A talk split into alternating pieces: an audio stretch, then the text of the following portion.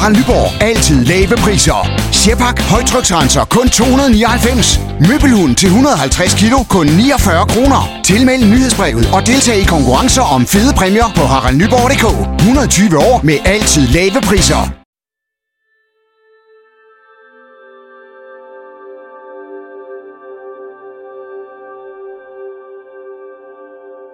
Det pixelerede farvefoto på forsiden af Ekstrabladet viste en krumbøjet lille kvinde, iført en sort dynejakke med hætte.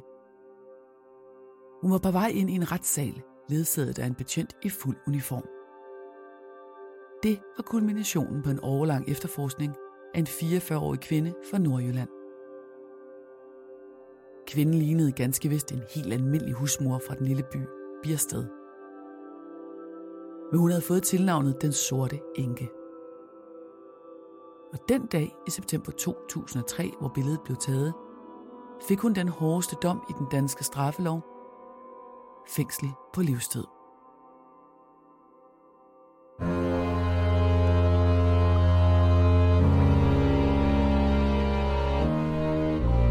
Du lytter til Mor i Nord, en podcastserie om nogle af de mest opsigtsvækkende drabsager fra Danmark, Sverige, Norge og Finland.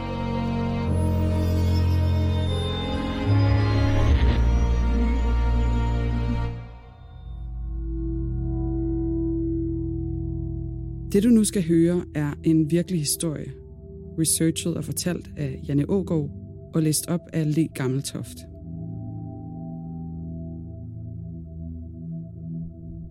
Dette er en genfortælling af sagens fakta, som de har været gengivet i andre medier. Nogle detaljer er udladt, ligesom vi her afholder os fra at tage stilling. Det har retssystemet gjort. Men du skal være forberedt på, at det kan være voldsomt at lytte til, ikke mindst fordi det handler om rigtige menneskers liv og død.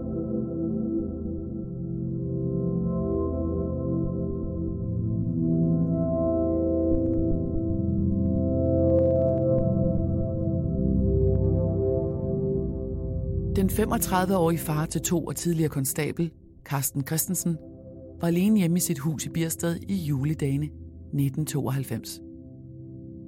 Selvom julen kaldes hjerternes fest, var det en svær periode for Karsten. Han var blevet separeret fra pigernes mor seks måneder forinden, og det med at aftale, hvor deres døtre skulle tilbringe julen, var langt fra nemt. Karsten gik i seng alene i det tomme hus ud på aftenen.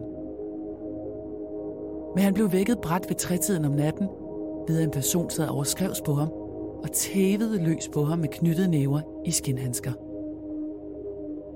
Karsten værvede for sig det bedste, han havde lært. Overfaldsmanden gik i panik og løb ud i køkkenet, hvor han hentede en grillkniv fra skuffen.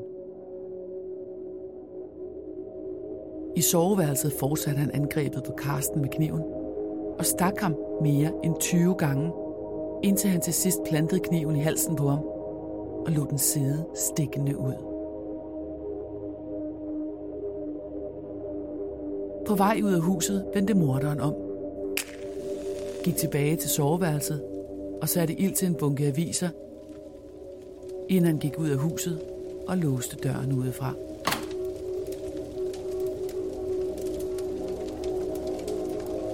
Da brandvæsenet mødte op for at slukke den eksplosionsagtige brand i parcelhuset, fandt de det ilde tilredte lig af den næsten nøgne Carsten Christensen i entréen tæt ved hoveddøren.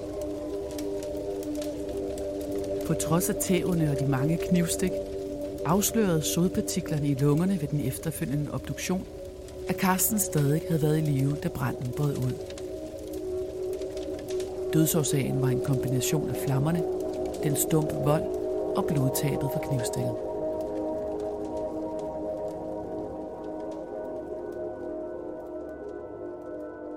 Carsten var lige blevet tildelt højeste invalidepension efter flere års rygproblemer. Indtil da havde han arbejdet i livregimentet i Nørre Utrup, få kilometer fra hjemmet. På dage, hvor ryggen artede sig, dyrkede han håndbold og badminton. Før skilsmissen havde han holdt ugentlige kortaftener med konen og nogle vennepar i den søvnige forstad med lidt under 1000 indbyggere tæt på Aalborg. De to døtre, Henriette på 13 år og Marianne på 15 år blev den vinterdag faderløse.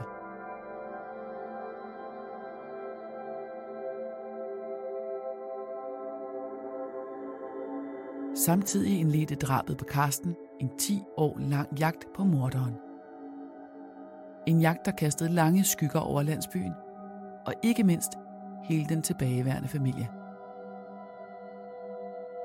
Rigspolitiets rejsehold blev tilkaldt for at hjælpe politiet i Aalborg. Den stilfærdige Karsten havde nyt stor respekt blandt tidligere kolleger, venner og familie.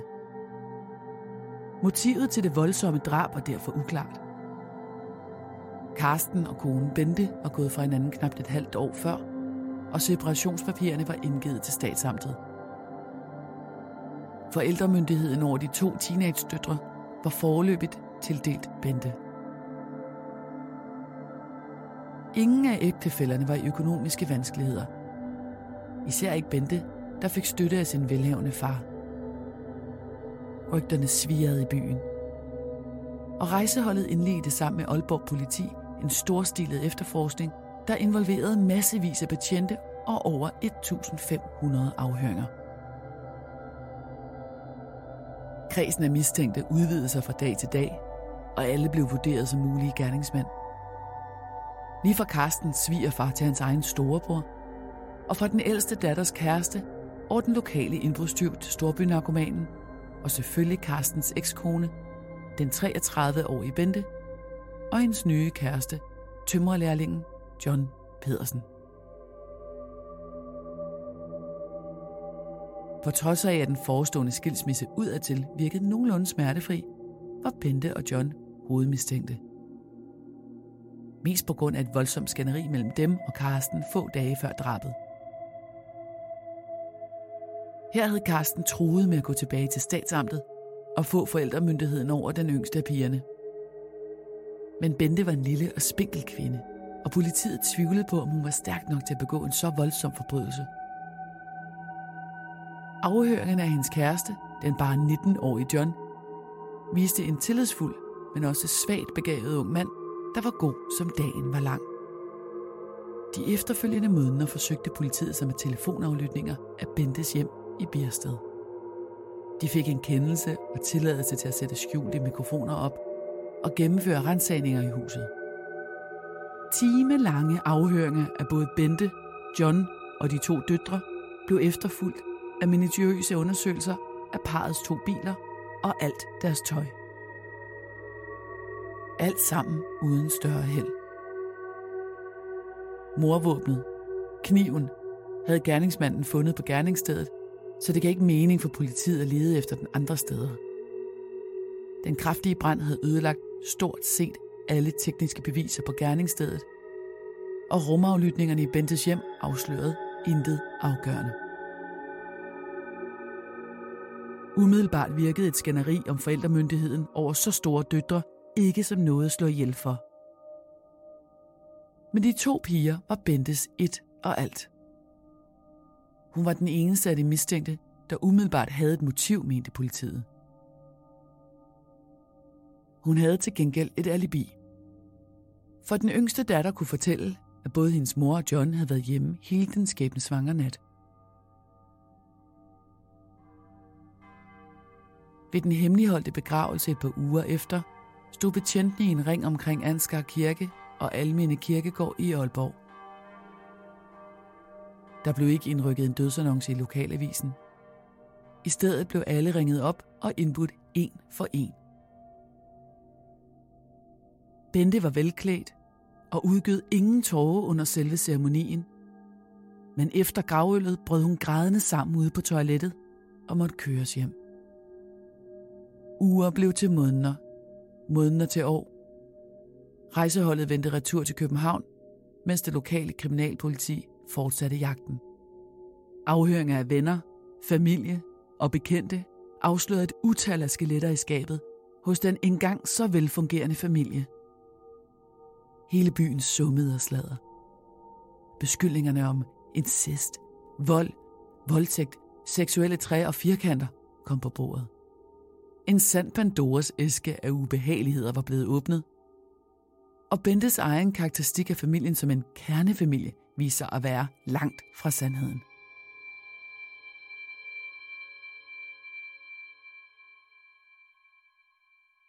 Men først 10 år senere fik politiet de fældende beviser mod Bente. Hun leverede selv skytset, da hun en varm junidag i 2002 mødte sin yngste datters ekskæreste, Dan Jensen, foran hans opgang. Dan og den nu 23-årige Henriette havde været kærester i et par år og havde fået et barn sammen. Men Dan havde af en eller anden grund et problem med, hvor tæt hans kæreste var på Bente. Han forsøgte at få hende til at bryde forbindelsen til sin højt elskede mor. Og det var starten på årelange diskussioner. Det kom til et ultimatum, og Henriette brød forholdet og flyttede hjem til sin mor sammen med parets etårige datter. Dan havde kæmpet for at få samvær med sin lille datter, og statsamtet havde givet Henriette besked på at udlevere pigen til samvær med sin far. Er du klar til årets påskefrokost? I Føtex er vi klar med lækker påskemad, som er lige til at servere for dine gæster. Bestil for eksempel en klassisk påskefrokostmenu til 115 kroner per kuvert. Du får også klassisk smørbrød til blot 29 kroner per styk. Se mere på føtexudafhuset.dk og bestil din påskefrokost i god tid. Dagen efter statsamtets afgørelse kørte Bente en tidlig morgen hen til eksvigersøndens bopæl i Svendsgade i Aalborg. Hun stillede sig på trappen foran hans opgang og ventede tålmodigt på, at han skulle dukke op. Dan var ikke hjemme. Historien melder ikke noget om, om han havde været i byen, eller ude for at købe rundstykker til morgenmaden. Men på et tidspunkt så Bente ham komme gående ned ad gaden på vej hen mod sin lejlighedsopgang. Før han kunne nå at reagere, trak hun et jagtgevær frem, der var skjult under en babydyne i hendes favn. Og der, på trappen til opgangen, skød hun ham i maven. Han døde på stedet, og Bente smed geværet fra sig. Naboer alarmerede politiet, og ved gerningsstedet samlede nysgerrige naboer og tilskuere sig foran politiafspæringen, mens kriminalpoliti, teknikere og ambulancefolk gik ind. Naboer havde hørt skuddet og set en kvinde gå ind i en bil og køre derfra.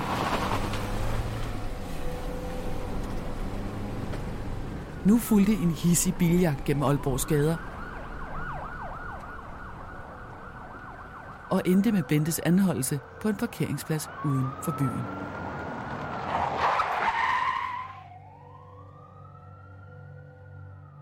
På politigården i Aalborg faldt Bente om med noget, der lignede et hjerteanfald.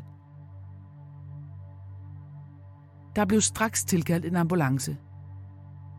Men den hidkaldte ambulancelæge undersøgte Bente, for derefter vredt og beordre hende til at droppe skuespillet, så politiet kunne fortsætte afhøringen.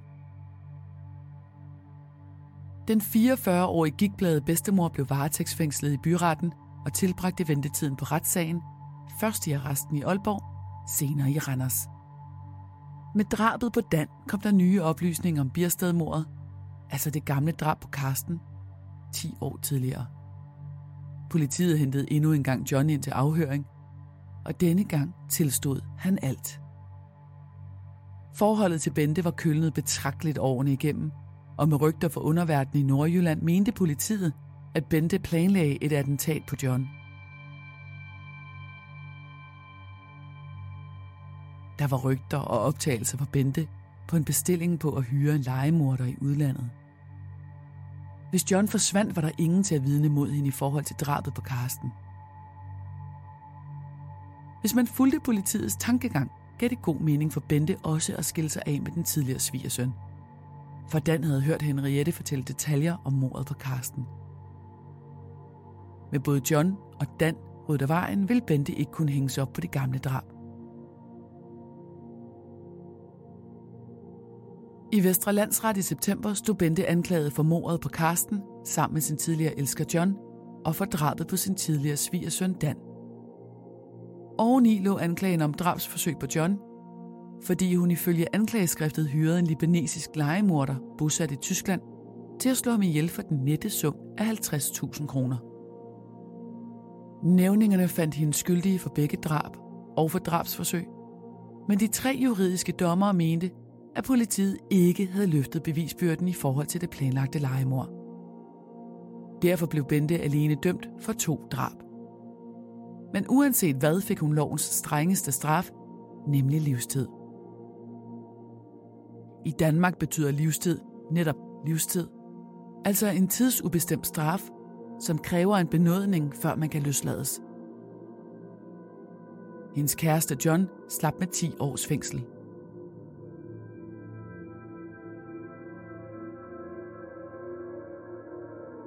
Hvordan blev pigen fra Aalborg til dobbeltmorder? Selv beskriver Bente sin barndom i relativt overfladiske termer. Altså her bruger hun betegnelsen kernefamilie. Hun blev født i 1958 af forældre i Trængekår i Nordjylland. En hårdarbejdende og til tider striks far, mens moren var blid og tæt knyttet til Bente. Mens broren klarede sig dårligt, gik det godt for Bente. Hun var flittig og bestod alt i skolen med fine karakterer. Som 17-årig arbejdede hun på en grillbar, og gennem skolekammerater mødte hun den et år ældre Karsten. Efter få måneder var hun gravid, og fem måneder før fødslen af Marianne i 1976 blev parret gift og flyttede til Sønderjylland, hvor Karsten skulle aftjene sin værnepligt. Mørkhåret Karsten og lyshåret Bente gik godt i spænd ud af til. De var begge afdæmpet og sås med flere vennepar, deriblandt Karstens bror og hans kone. Bente gik derhjemme og fødte knap to år senere Henriette. Hun forblev hjemmegående, indtil pigerne skulle starte i skole. Hendes to øjesten var ikke på noget tidspunkt i dagpleje, vuggestue eller børnehave. Soldaterlivet passede Karsten godt. Han blev forfremmet til konstabel i livregimentet, og dermed fik familien mulighed for at vende tilbage til hjemmeegnen ved Aalborg i 1977. Bentes forældre besøgte dem ofte i huset på Enghaven i Biersted. Men i 1989 døde Bentes mor af kræft, samme år som Bente fyldte 30 år. Den store sorg over at miste moren tyngede Bente i overvis, og hun fik flere gange udskrevet nervemedicin. Samtidig opstod der gnidninger mellem Bentes far og Karsten, og faren troede med at gøre Bente arveløs, hvis ikke hun droppede sin udulige mand. Efter et fald fra en trappe fik Karsten en diskusprolaps, var ofte sengeliggende og fik smertestillende medicin. Imellem hospitalsindlæggelser var han ikke meget bevendt i hjemmet, lød kritikken fra svigerfar. Efter sin diskusprolaps opfyldte Karsten heller ikke sine ægteskabelige forpligtelser over for Bente, der blev mere og mere utilfreds. Skænderier opstod ofte. På en campingferie med nogle venner, Marianne, Henriette og den ene datters kæreste i 1992, gik det helt galt. Parret udvekslede ikke mange ord, og den trykkede stemning førte til et natligt håndgemæng og fik Karsten til at søge tilflugt i naboteltet. Karsten var jaloux, sagde Bente, og under et skænderi kaldte Karsten sin hustru for lesbisk. I august måned 1992 indledte de skilsmissen. Allerede på det tidspunkt havde Bente kig på den ældste datters beundrer, den dengang 18-årige John, der tit kom og besøgte familien sammen med sine kammerater. Mens Karsten var indlagt på hospitalet med sin dårlige ryg, blev John inviteret hjem i huset, hvor en lettere beruset Bente lagde an på ham. Hun dansede med ham og begyndte at kysse ham. Som John beskriver det, aftalte de en aften, at de var kærester. Men den uerfarne og naive tømmerlærling havde dårlig samvittighed og afstod fra besøg, indtil Karsten var flyttet ud af familiens hus. I december flyttede John sammen med Bente i det nye hus på Stationsvej i Birsted, hvor parret sov på sovesofaen i stuen, mens døtrene havde hvert sit værelse. Den ældste datter opholdt sig mere og mere hos kæresten, mens den yngste måtte være vidne til, at hendes mor udviste stor seksuel appetit og kontrol over for sin unge elsker.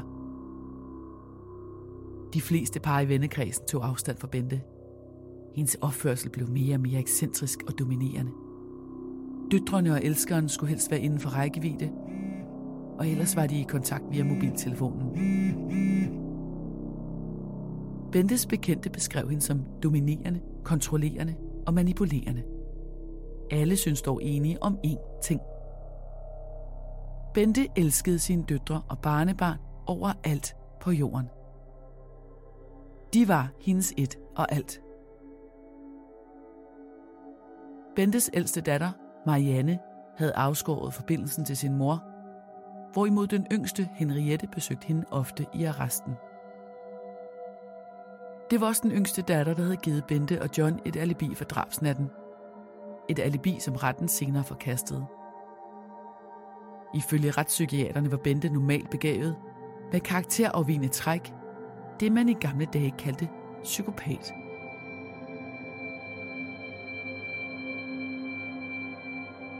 Hun havde en forskruet personlighed med en blanding af undvigende, afhængige og selvnedgørende træk, og hun fralagde sig ofte ansvar og skyld for i stedet at bebrejde omgivelserne. Politifolk beskrev hende som streetwise eller bundesnu, en fantastisk løgner og formidabel skuespiller. I hjembyen var hun vældigt og en lidt anonym kvinde med skiftende jobs, få veninder og et uhyre tæt forhold til sine børn. Sine venners ven, hjælpsom og flink, men hverken åben eller tillidsfuld. Skamfuld over den kiksede bror med kælenavnet Dimsen, der blev landevejsridder og døde af druk.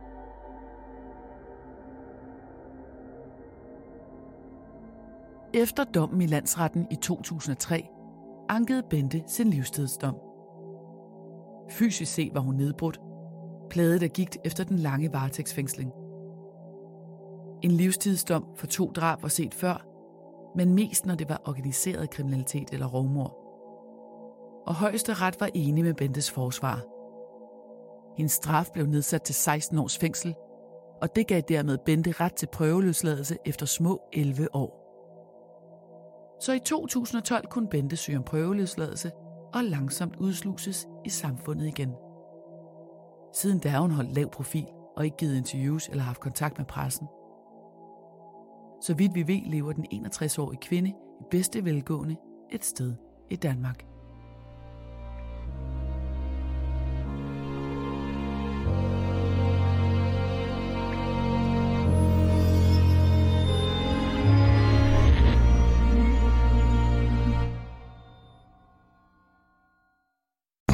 Vi har opfyldt et ønske hos danskerne. Nemlig at se den ikoniske tom skildpadde ret sammen med vores McFlurry. Det er da den bedste nyhed siden nogensinde. Prøv den lækre McFlurry tom skildpadde hos McDonald's.